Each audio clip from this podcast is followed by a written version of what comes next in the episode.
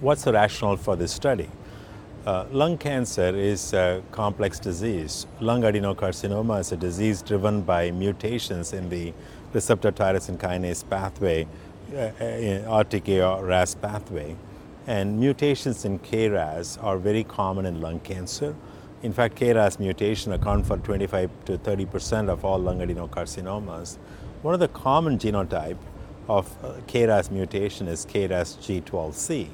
It has been held for a long time that the KRAS is not an easily targetable mutation. And this is an example how that notion is not true. Uh, a few years ago, good work from many laboratories showed that uh, there's a specific uh, pocket that can be exploited in the setting of a KRAS G12C mutation. And AMG 510 is a first in class uh, compound and first in human, first in class compound to be tested in the clinic, uh, looking at the efficacy of this oral drug in patients with KRAS driven uh, non small cell lung cancer and other cancers, particularly the KRAS G12C. And this study um, was designed uh, in a typical phase 1 slash phase 2 manner and patients with KRAS G12C mutation in the tumor tissues were eligible as long as they meet the other eligibility criteria. A couple of important points is that uh, the patients must have received at least one form of therapy. There were no limits to previous therapy in the phase one portion.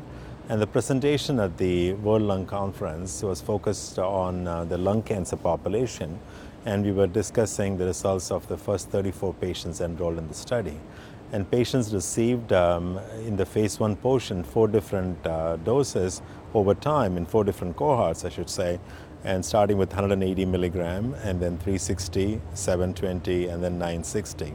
Two to four patients were enrolled in each cohort. If necessary, additional patients were enrolled in a very classical phase one fashion. We had, uh, we had both the expansion cohort as well as the escalation cohort um, for this presentation.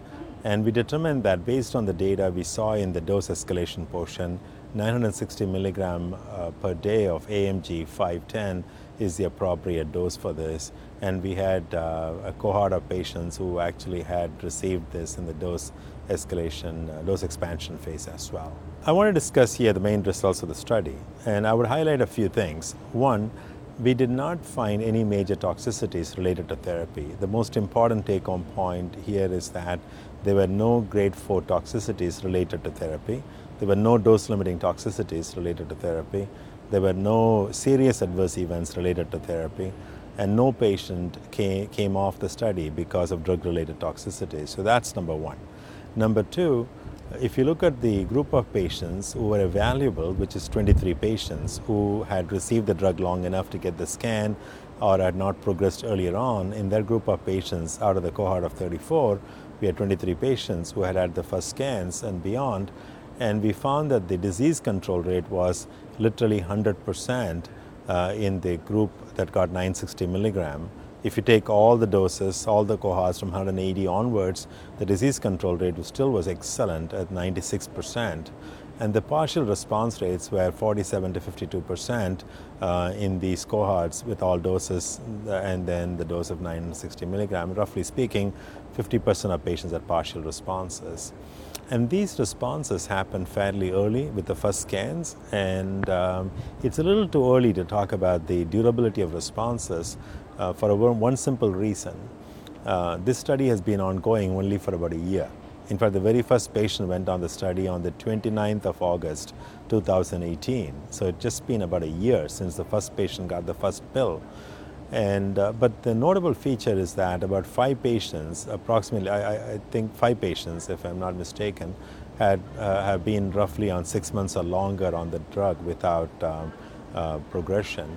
As I presented at the meeting, uh, in the two cohorts, the cohort that had a partial response and the cohort in, in the stable disease, in each of the cohorts, 8 out of 11 patients were on therapy at the time of data cutoff in July of 2019. So the point is um, uh, the drug is extremely well tolerated and, and it, is, uh, it seems effective uh, from the initial observations we made.